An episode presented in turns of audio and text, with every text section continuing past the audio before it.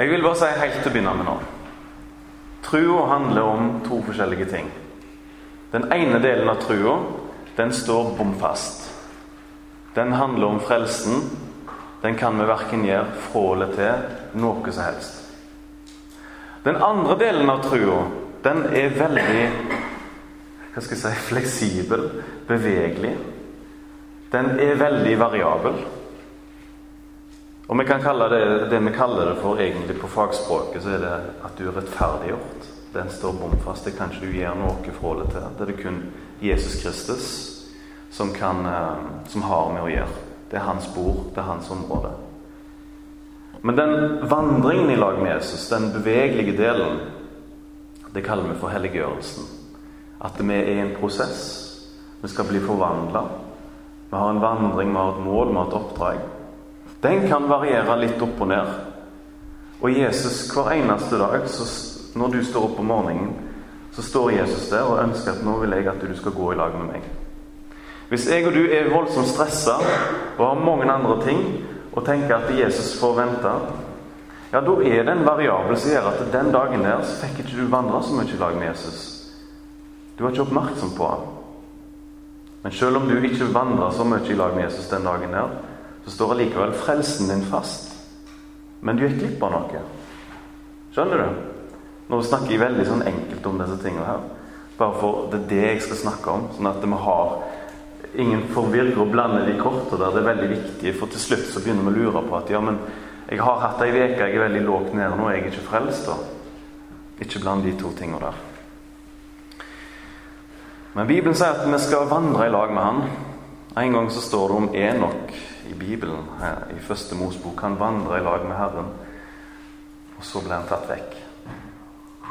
Og Ordet 'å vandre' er noe av det flotteste faktisk som står med forholdet mellom deg og Jesus. At du skal gå i lag med ham. Og Bibelen sier at jeg og du skal ha et levende forhold. Nå skal vi lese i Johannes evangelium. Dette er noe av det som beskriver hvordan vi skal ha det på innsida i lag med Jesus. Johannes kapittel 7 og vers 37 eh, og 38.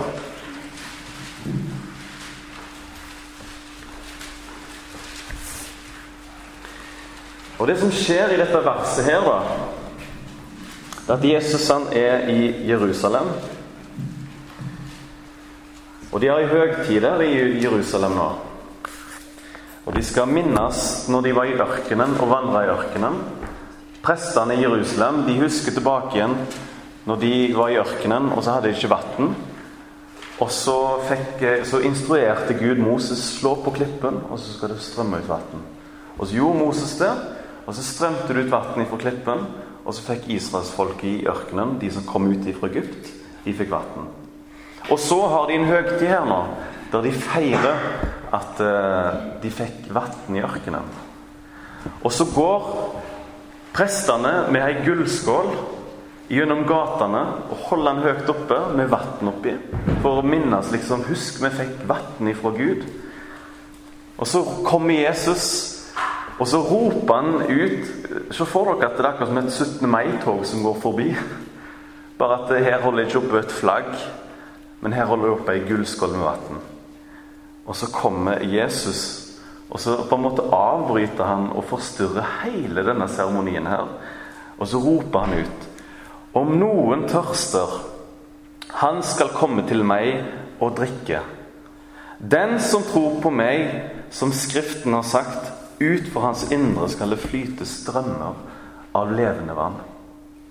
Og Her driver jo de og mumrer tilbake til hvordan ting en gang var, og det underet som skjedde, at vann strømmer ut av klippen. Og så kommer det en mann og stiller seg fram og sier at, at jeg kan gi dere et levende vann på innsida. Jeg lurer på hvordan den der, den der eh, prosesjonen av folk hvordan de reagerte da. Plutselig står det en mann og tar hele oppmerksomheten. Alt det som de har oppstyr om, er kun et forbilde på én mann, Jesus Kristus, det han kan gjøre for oss. Alt det som skjedde i ørkenen, er forbildet på Jesus. Og dette vannet her, det blir beskrevet som levende. Det står ikke i ro. Dere vet at eh, Hvis dere er veldig tørste og dere går ut i, ut, i, ut i, fjellet og dere ser eh, Dere ser en vannpytt eller et vann som står helt i ro. Og dere ser kanskje masse insekter som går og kryper opp på det vannet rundt omkring. Da har dere ikke lyst til å drikke av det vannet. Men hvis dere ser en fjellbekk som sildrer, da har dere lyst til å gå bort og drikke. Fjellvann er utrolig godt. Men er det i ro, stillestående vann, da er det giftig. Og så her sier Jesus at eh, vi skal være som et levende vann inni oss. Vi skal ha det som et levende vann. Det skal ikke være stillestående. Det er veldig farlig. Da blir det giftig. Men det skal være flytende. Det står i en annen plass i Bibelen, i Jeremia 47, 11, så står det om eh, om et vann som ikke ble levende, men det sto i ro. Jeremia 47, 11, så står det og Her er det folkeslaget Moab det er brukt som et eksempel på. Bare ikke heng dere så mye opp i det, men bare hør. Moab har hvilt trygt fra sin ungdom. Han har ligget i ro og godgjort seg og ikke blitt tømt fra kar til kar. Dette her er blitt brukt i forbindelse med vin. At eh, hvordan, skulle du, hvordan skulle du rense ut slagg og avfall fra vin på den tida der? Jo, du tok ei tønne med vin, eller et kar med vin, og så tok du og tømte det over til et nytt kar. Sånn at det som lå i bånn, ikke ble med. Og alt partikler og sånt, det falt ned i bånn. Og så tok du og flytta det videre. Men her står det at det var noen som holdt seg helt i ro. De godgjorde de hadde, Hva er det det står for noe? De hadde godgjort seg ved ingen bevegelse. Og da til alle de som ønsker å tro på Jesus og være en kristen, men har på en måte slått seg til ro, er fornøyd Jeg har fått tilgivelse fra Gud, det er kjempefint. Nå kan jeg leve livet bekymringsfritt. Du har slått deg til ro. Du tenker ikke at det er mer som Gud vil med deg. Hvis du blir stillestående som en kristen, det er noe av det farligste du kan gjøre. Til slutt så er ikke det levende vann inni deg lenger. Men det kan heller stagnere, og det kan bli giftig, og det kan bli fare for deg. Hva er det motsatte av å stagnere? Det er å være på vandring. Og Bare se i Bibelen. Paulus han fikk et møte med Jesus. Han forfulgte de kristne. Han fikk et møte med Jesus. Hva skjedde etterpå? Slo han seg til ro? Tenkte nå har jeg fått det møtet med Jesus. Han fikk farten på seg. Se på de som var på vei til Emmaus og snakket om Jesus. og Diskuterte det som hadde skjedd med han. Så kom Jesus, han var skjult for dem, og så snakket han med dem. Og så til slutt så åpen, Han fortalte fra Bibelen at det var han, eller Jesus måtte lide og dø og stå opp igjen for syndene våre. Og til slutt så oppdager de at dette er jo Jesus vi snakker om. Vi snakker med. Og så ble han usynlig. Og i neste øyeblikk Hva skjer? Ja, det var et spesielt møte. Nå kan vi sette ned og tenke litt på det. Nei, de fikk farten på seg. Beina gikk. Vi må springe og fortelle om dette. Hva skjedde med de kvinnene, Maria og Maria Magdalena, som kom og skulle gå til grava for å stelle med Jesus? Stelle med legeme? Grava var tom. Engler møtte de, og de fikk farten opp på seg. Du finner ikke i Bibelen mennesker som har fått møte med Jesus, som etterpå bare setter seg ned og tenker at ja, men dette var flott. Nå slapp vi av, for dette var jo kjekt. Det, det skjer noe. Det er en vandring. Det er en, det er en, det er en iver som kommer da. Jeg skal snakke litt om um, om den faren med at vi tror at vi har alt i orden. Vi kaller oss for kristne, men så er det egentlig ikke liv i oss. Vi har slått oss til ro. Det som skulle vært levende vann, har bare blitt stillestående og blitt giftig til slutt. Jeg skal lese ifra en menighet i Johannes' åpenbaring. I Johannes' åpenbaring er det i begynnelsen av den boka der så er det sju menigheter som får et brev ifra Jesus. Tenk det. Tenk at Jesus fikk fikk Johannes, ikke døperen Johannes, men disippelen Johannes Han fikk han på sine eldre dager til å skrive ned et syn, skrevet ned et budskap. Og de hadde adresser til sju ulike menigheter i Lille-Asia, dvs. Si dagens Tyrkia. Og så, bare for å si det, da Det sjutallet betyr fullkommenhet. At det sju menigheter betyr fullkommenhet. Det betyr at det, budskapet til disse sju menighetene her, de gjelder for alle kristne menigheter til enhver tid. Så den menigheten jeg skal fortelle om nå, den, står, den heter Sardes, eller var i Sardes. Vi kan lese om han i Johannes' åpenbaring kapittel 3 og noen vers nedover. Og den menigheten her, de, eh, de hadde det på denne måten her. De, tenkte, de kalte seg for kristne, men det var ingenting liv inni dem. Det var ikke levende vann i dem lenger. Det hadde stoppa opp. Jeg skal lese de versene der om det å kalle seg en kristen, men du er egentlig død. Du har ikke liv i deg. Da leser jeg ifra vers 1 og nedover. Og skriv til engelen for menigheten i Sardes. Dette sier han som har de sju Guds ånder og de sju stjernene. Jeg vet om gjerningene dine, at du har navn av å leve, men du er død. Våkn opp og styrk det som ennå er igjen, det som er i ferd med å dø, for jeg har ikke funnet gjerningene dine fullkomne for Gud. Husk derfor på hvordan du tok imot og hørte. Hold fast på det og omvend deg. Derfor, hvis du ikke vil våke, skal jeg komme over deg som en tyv og du skal ikke vite hvilken time jeg kommer over deg. Du har også noen få navn også i Sardes, som ikke har flekket til klærne sine. Og de skal vandre omkring med meg i hvite klær, for de er verdige til det. Den som seirer, han skal bli kledd i hvite klær. Og jeg skal slett ikke stryke navnet hans ut av livets bok. Men jeg skal bekjenne hans navn for min far og for hans engler. Den som har øre, han hører hva Ånden sier til menighetene. Sardes den lå som sagt i eh, dagens Tyrkia. Eh, deres problem var jo at de kalte seg for kristne, men de var egentlig ikke det. De hadde vært det én gang, men så hadde livet sakte, men sikkert ebba ut. Og så var det blitt tomt. Men så kalte de seg kristne av vane. De gikk på møter av gammel vane. De syntes kanskje at det, gjengen de var med der på møtene, de var veldig kjekke, og det var et miljø, det var vennene deres. Men det var egentlig ikke noe liv i dem. De hadde ikke kontakt med Jesus. Og alle andre rundt i byen de tenkte at det her er de kristne. Alle de som kommer her nå, er kristne. Men det står at kun en bitte liten rest hadde liv. Kanskje hvis dette her er Sardes, skal vi si det sånn at dere som er på fremste rekke der, dere er de siste som det er åndelig liv i. Mens alle andre beklager, dere er døde. ikke sånn, eh, Hvis dere er med på det bildet, da ser dere det for dere. Men alle gjør det samme. Alle kommer på de samme møtene. Men det er kun ei rekke igjen som er liv i. Og Jesus kommer med den han er så bekymra for denne menigheten her og sier at det er bare noen få igjen i denne menigheten her som det er liv i. Resten Dere kaller dere for kristne, men dere er egentlig ikke det lenger. For livet er dødt. Dere har ikke kontakt med meg. Og hvordan Hva er det åndelige livet egentlig? Svaret ligger i hvordan Jesus representerer seg sjøl. Han sier det.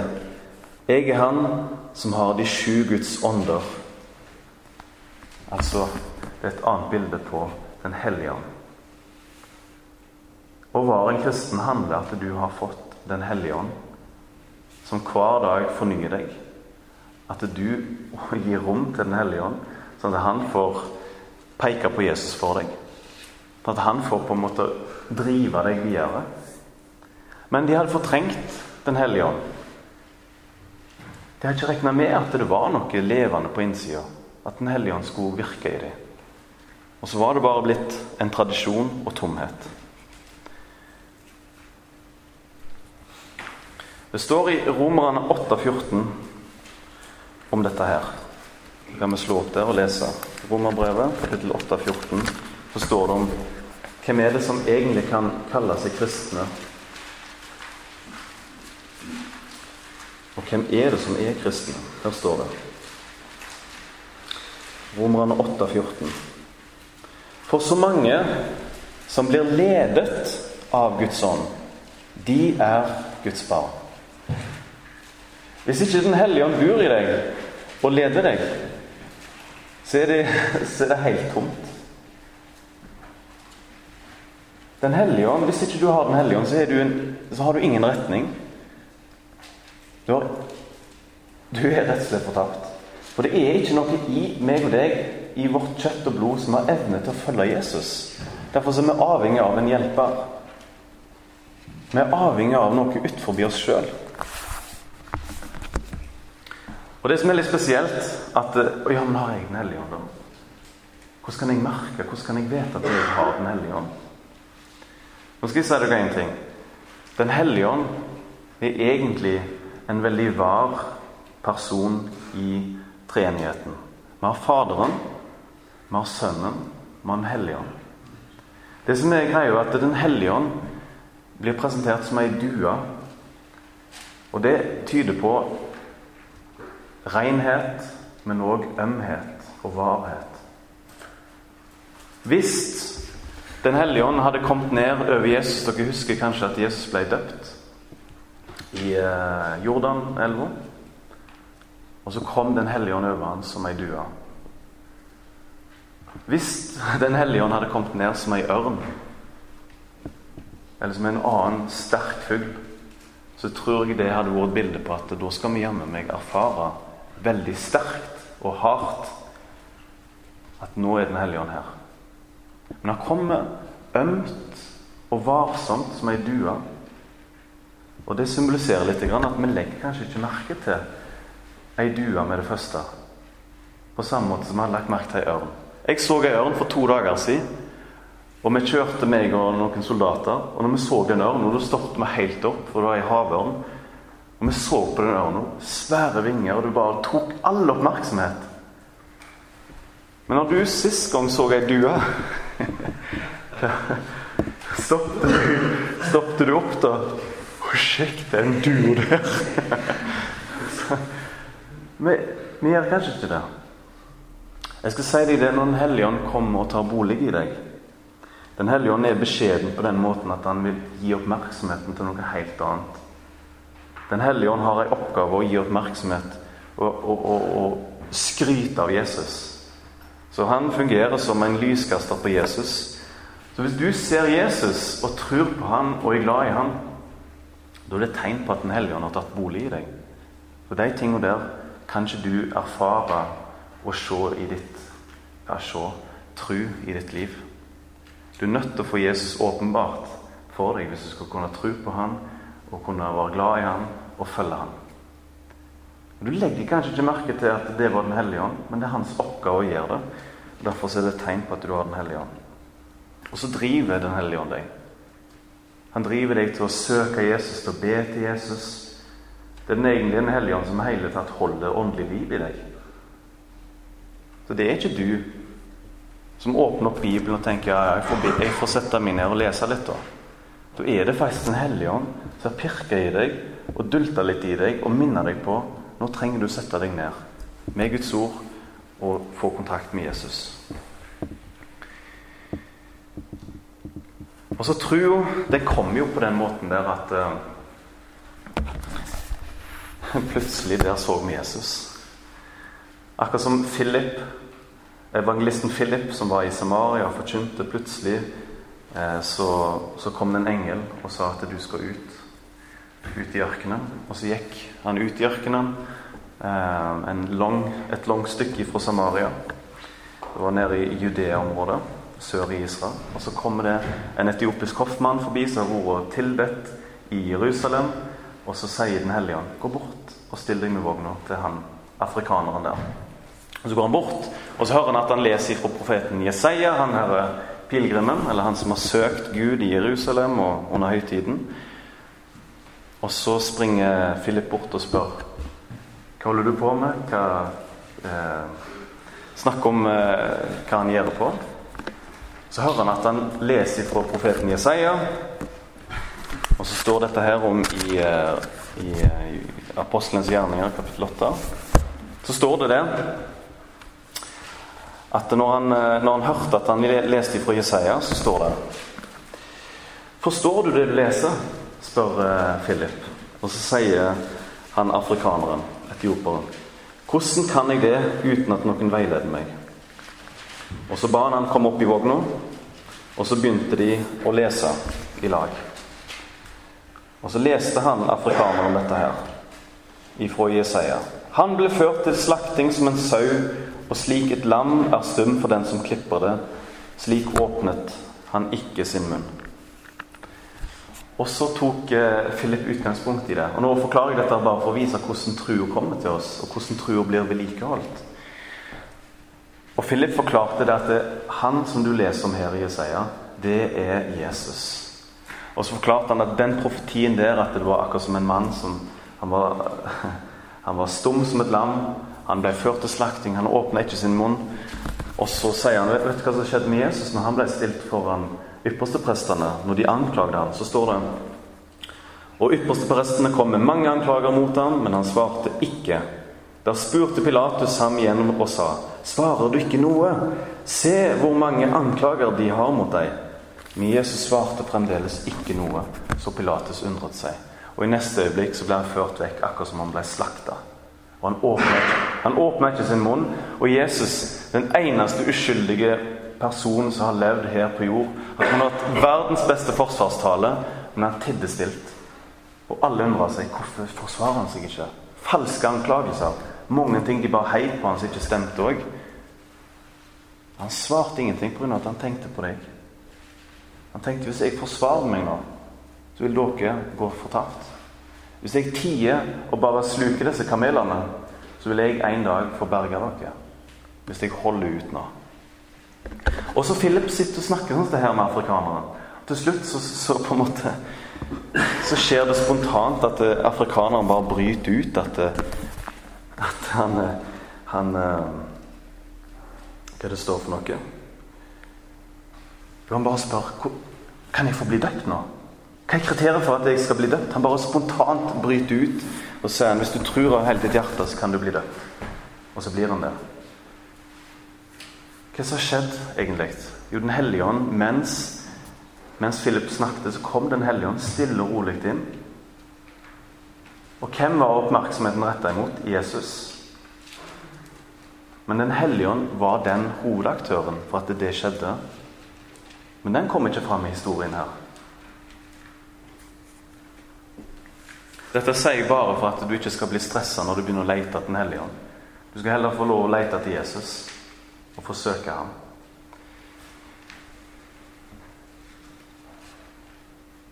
Og så Nå vil jeg gå tilbake igjen til Sardes. Hva som hadde skjedd? Hva som hadde gått galt egentlig med den menigheten der? Hvordan hadde det gått så galt at de satt der, og 90% kanskje var tomme? De hadde en gang kommet til tru, og så hadde det rent ut i sanden. Jeg har et par teorier på hva som kan ha gått galt. For når Jesus påpeker at det er noen få av dere som har liv, så er det mest sannsynlig ikke lederskapet. Det er kanskje noen på bakerste benk som har holdt liv i. Jeg vil at du, når du er i din menighet, der du er til vanlig, be for lederskapet. Be for de som forkynner Guds ord. Og Hvis du ber fordi at de får virkelig ha en iver Hvis de får lov å få noe fra Guds ord og gi til deg, da tror jeg den menigheten og det laget du går i til vanlig Jeg håper du har det. Da tror jeg dere får en viss type mat som gjør at det er liv i dere. Men hvis pastoren og lederskapet går tørr i en menighet, og ingen ber for dem og de som er i menigheten, er litt mer sånn at hvert møte så kaster vi terning. Hvordan var taleren i dag? Og ja, var litt sånn slapp. og Hvis vi bare ser på det ytre og ikke ser på en måte at han er der eller hun er der for å forkynne til oss og tale til oss og veilede oss Men vi husker det at hvis lederskapet ikke er godt, så går det utover resten av menigheten. Og Det står i Romerne 12,8 at det er den som har nådegaven, lederansvar, han må lede med iver. Så Hvis presten eller lederskapet begynner å bli derfor og tenker det er ikke så farlig om vi holder på sånn eller sånn, det får gå som det går Gi den menigheten noen år, og livet er dødt, tror jeg. Så Derfor så må du be for lederskapet i menigheten. Be for dem, og ikke bare sitt sånn her og, og krev av dem. Men omslutt de med kjærlighet, står det. Og hei på de og oppmuntre de. Og Muligens hadde lederskapet kommet inn i sånn tralt at de bare lirte av seg Guds ord. Det som skal skje, er at den som har ansvar for å tale, han skal gå inn i sitt lønnkammer. Han skal be om å få et ord som er til menigheten, og etter mye kamp, kanskje det går én time, kanskje det går ti timer, etter hvert så begynner det å løsne, og det ordet skal bli forkjent. Og det er knalltøft, skal jeg si dere, å få et ord, et lite Guds ord, som er levende, og som er til hjelp for noen. Hvis vi ikke er i bønn for hverandre, så går vi tørre. Så blir det ikke liv. Jeg tror den andre tingen som hadde skjedd i Sardes òg Siden de fortsatt gikk på møtene og de var i menigheten. For husk, når, når, når, når Jesus sendte dette brevet av gårde til dem, så var de jo fortsatt i menigheten. Men de var døde, åndelig sett. Det betyr at de har opprettholdt tradisjonen sin. Og de hadde kommet i en sånn tralt at nå, nå vet de sånn cirka hvordan kristenlivet skal være. Det handler om at vi går på møtene den kvelden der. Det handler om at vi kanskje får med, at vi gjør sånn og sånn. De hadde en tradisjon. Og så måtte Jesus si til dem våkne opp ifra denne tradisjonen deres. Idet du tror du har kontroll på kristenlivet ditt, så er det noe enormt farlig. Når du begynner å få en oversikt at sånn skal det være. Det handler om en vandring der du hver dag skal bli fornya og forvandla etter bildet av etter, Bli forvandla i likhet hvordan Jesus er. Hvis vi bare går på møte og hører og drikker kaffe og ikke er på en måte ydmyke i forhold til at nå skal vi høre fra Jesus. Nå skal vi være med hverandre. Det er ikke sånn at vi skal gå hjem nå om halvannen time, for da, begynner liksom Da vil jeg gjøre det og det. Det er mange menigheter skal jeg si, si sånn, typisk I voksenmenigheter så er det sånn at eh, hvis um, møtet begynner klokka 11, og så, og, og så, tenker alle at møtet skal vare nøyaktig halvannen time. Og så regner jeg med at for, da skal vi hjem sånn at klokka to da skal vi begynne på middagen. Og så skal vi være der, og så klokka fem da skal vi ut der og besøke folk. Og hvis møtet drar litt ut Kan jeg tro at folk blir irriterte da. 'Dette passer ikke meg. Nå, jeg har dårlig tid nå.' Da tenker jeg, vet du hva Hvis Jesus har noe veldig viktig å si til oss, så kan det godt være det tar hele dagen. Men det er den innstillingen vi må ha. Når vi kommer på møtet Alt kan skje. Alt kan faktisk skje. Det er Jesus Kristus vi har med å gjøre. Og når han vil ta, ta seg tid til oss, så må vi bruke den tida som trengs i lag med ham. Eller så blir vi sovende. Og Av og til skal jeg si dere, så kan faktisk forkynneren han kan stå litt i veien for budskapet. Han kan stå her framme og snakke om kallet til misjon. Og så har han kanskje en dårlig dag. Han er trøtt. Han er litt sånn har hatt en eh, han krasja bilen på veien til møtet, kanskje, så han er litt sånn stressa og forvirra. Og når han skal fortelle om misjonsbefalingen, så stammer han litt, og han eh, rotes til alt i sammen. Men allikevel så hadde Jesus gitt han noe. Men redskapet, filteret, var litt dårlig. Så det var ikke så mye av budskapet som kom gjennom det filteret. Bare bitte litt. Men da skal du snappe opp igjen det. Tenk at i dag vil Jesus si oss noe om misjon. Om forkynneren var et dårlig redskap, det var rustent og slitt Bak der sto Jesus og prøvde å si at det er viktig med misjon. Det er folk som ennå ikke har fått hørt om meg. Og da må dere se bak meg, se bak de som står her, og tenke at Jesus vil meg noe. Og tenk meg òg. Jeg, jeg, er et menneske. Jeg har fått et budskap av Jesus. Det skal gå gjennom meg. Men jeg kan ødelegge litt budskapet, så det som kommer ut Dere har hørt den regelen at vi hadde en full neve med sand, og så heiv vi det opp i lufta, og så datt det ned, så hadde vi så mye igjen. Sånn er det litt når vi forkynner òg. Vi har fått et herlig budskap, og jeg kjenner dette vil jeg formidle. Og så går det litt sånn galt på halvveien. Men se på budskapet bak. I dag ville Jesus noe med meg. Han ville ha et levende forhold til meg. Da skal du få lov å snakke med Jesus om akkurat det. Ok. Medisinen, da. Mot den åndelige død, hva er det for noe? Det er viktig å snakke litt om nå på slutten. Jesus sier 'husk hvordan du en gang tok imot'. Hvordan du hørte, og hold fast på det å omvende deg. Jeg syns det er så inspirerende å se på nyfrelste. Folk som nettopp har tatt imot Jesus. Så begynner du å få greia, plutselig begynner du å se Vet du hva, dette er fantastisk, jo. Dette her har jeg fått et evig liv. Har jeg en himmel i vente? Har jeg fått en hellige ånd som skal hjelpe meg med alt? Har jeg fått en nådegave? Har jeg fått et oppdrag her som kun jeg har fått og skal få lov å gjennomføre? Har jeg fått nye gaver, nådegaver, som gjør meg i stand til å utføre en tjeneste som jeg ellers ikke kunne gjøre? Har jeg fått en mening her på jorda? Og så videre. Idet nyfrelste begynner å oppdage det, så har jeg en sånn glede som bare er fantastisk å, å legge merke til. For de har liksom og så begynner jeg å tenke ok, det, jeg, jeg, begynner å tenke tilbake en ti år når jeg hadde den opplevelsen. Når jeg var sånn Wow, er det, er det dette det er snakk om? Og så blir vi liksom litt vant med dette hvert. Og så må vi få noen til å vekke oss litt opp og tenke at vet du hva, tenk deg om hva du har nå. Bare begynn på ny litt. Hva er du faktisk eier Jesus? Og se på det som du aldri har sett på det før. Da kan du òg bli akkurat som den nyfrelste. Du må liksom ikke ut på byen og, og feile og gjøre masse synder og komme tilbake inn for å få den nyfrelste gleden. Den kan du få i lag når, når du får ta deg tid til det du har fått i Jesus, og ser på det. Og den andre tingen, Husk på hvordan du tok imot. Jeg husker første gang jeg ba til Jesus når jeg var 18 år gammel. Og jeg merka det at eh, onde krefter holdt meg fast. Jeg hadde lyst til å bli en kristen, men det var noe som stengte meg.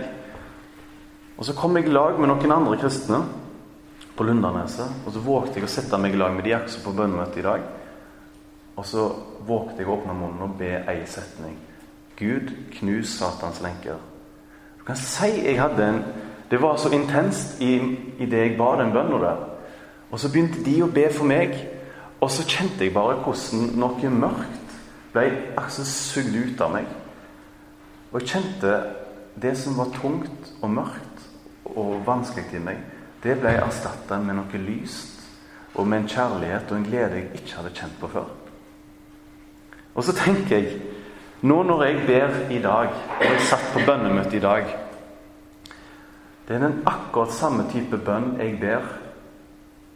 Det er den akkurat samme Gud som hører. Men jeg, jeg kan av og til bare be litt sånn ja, ja, ja, ja, Uten å glemme, at jeg glemmer litt hvor stort det er å be. Og Da må jeg av og til tenke tilbake når jeg satt der og skalv i buksa mi nesten og ba jeg trenger hjelp. Hver gang du ber, så er det akkurat på samme måten. Gud hører deg, og han vil hjelpe deg. Og så sier Jesus den der, den der forventningen der Den der Og den ydmykheten 'jeg trenger hjelp', bevar den. Ikke bli vant med å be at du bare lir av noe. Men husk, du snakker med kongenes konge, som har all makt i himmel og på jord, som bryr seg om deg. Når det begynner å synke inn i deg, så kan den tradisjonelle bønnen der du bare lirer av deg noe uten å tenke helt på hva du egentlig holder på med, den kan bli mer gravlagt. Og så får du ei levende bønn i lag med Jesus. Nå snakker jeg faktisk med deg. Og så den andre tingen Jesus må si til dem. Han må advare dem. Av og til så trenger man å bli røska litt i. Og Jesus så det at det er noen her inne som er så fastgrodd i sine synder, i sine tradisjoner, at de må få en oppvekker. Og Da sier Jesus en historie til dem. At det er derfor, hvis du ikke vil våke, hvis du ikke tar inn over deg disse tingene her Hvis du bare hører 'jadi, jadi, jadi' nå, så sier Jesus vet du hva? Hvis ikke du vil høre på dette her, dette budskapet, så skal jeg komme over deg som en tjuv, og du skal ikke vite hva time jeg kommer i. Og Da snakker Jesus om, om, om sin gjenkomst. En dag skal han komme igjen. Og Hvis ikke du har liv i deg åndelig sett, hvis ikke du har Den hellige ånd i deg da, når du enten dør eller lever, når Jesus kommer igjen, så vil du gå fortapt. Og Jesus sier det at 'Jeg kommer igjen', og da vil jeg komme som en tjuv for deg, som en fiende. Ikke som din venn. Og så sier Så begynner han en historie om at han kommer over deg som en tjuv. Og det som var grunnen til at han Vi tenker jo liksom ja, han kommer jo som en tjuv og sånne ting. Hva har det å bety, eller hvorfor sier han det? Han, han sa det til Sardes av en grunn. For Sardes det var en by som lå liksom litt oppe opp mot ei fjellside og hadde høye fjell, fjell, rundt seg. Sånn at det var som en mur med fjell. La oss si at det, her som talerstolen er her i byen, og så veggene rundt. Det symboliserer på en måte fjellvegger. Sånn at eh, Sardes det var en by som de tenkte det er umulig at fienden kommer og tar oss. Vi har fjell rundt oss fungerer sånn at folk ikke, herrer kan ikke ta oss. Så Sardes de sov godt om natta. Men to ganger i historien skjedde det at det profesjonelle elitesoldater Jeg vet ikke om de kalte det seg for profesjonelle elitesoldater da. Men profesjonelle soldater uansett, de klatra opp fjellsida. Og de klarte å komme seg over fjellet. Og de smøg seg inn i byen med sverd og skjold. Og så sto de midt i byen, en hel flokk med soldater. Der hadde de tatt de på senga. Så når Jesus sier 'jeg skal komme over dere som en tjuv', så husker de vet hva, det, Vi har trodd at vi er så trygge, men faktisk denne byen her har blitt erobra, og på samme måte kan Jesus ta oss på senga. Plutselig der var han, og vi visste ikke om det. Og han kom som en fiende. Så nå vet dere det ifra nå av om Sardes. Sånn er bakgrunnen for den menigheten der som det står om.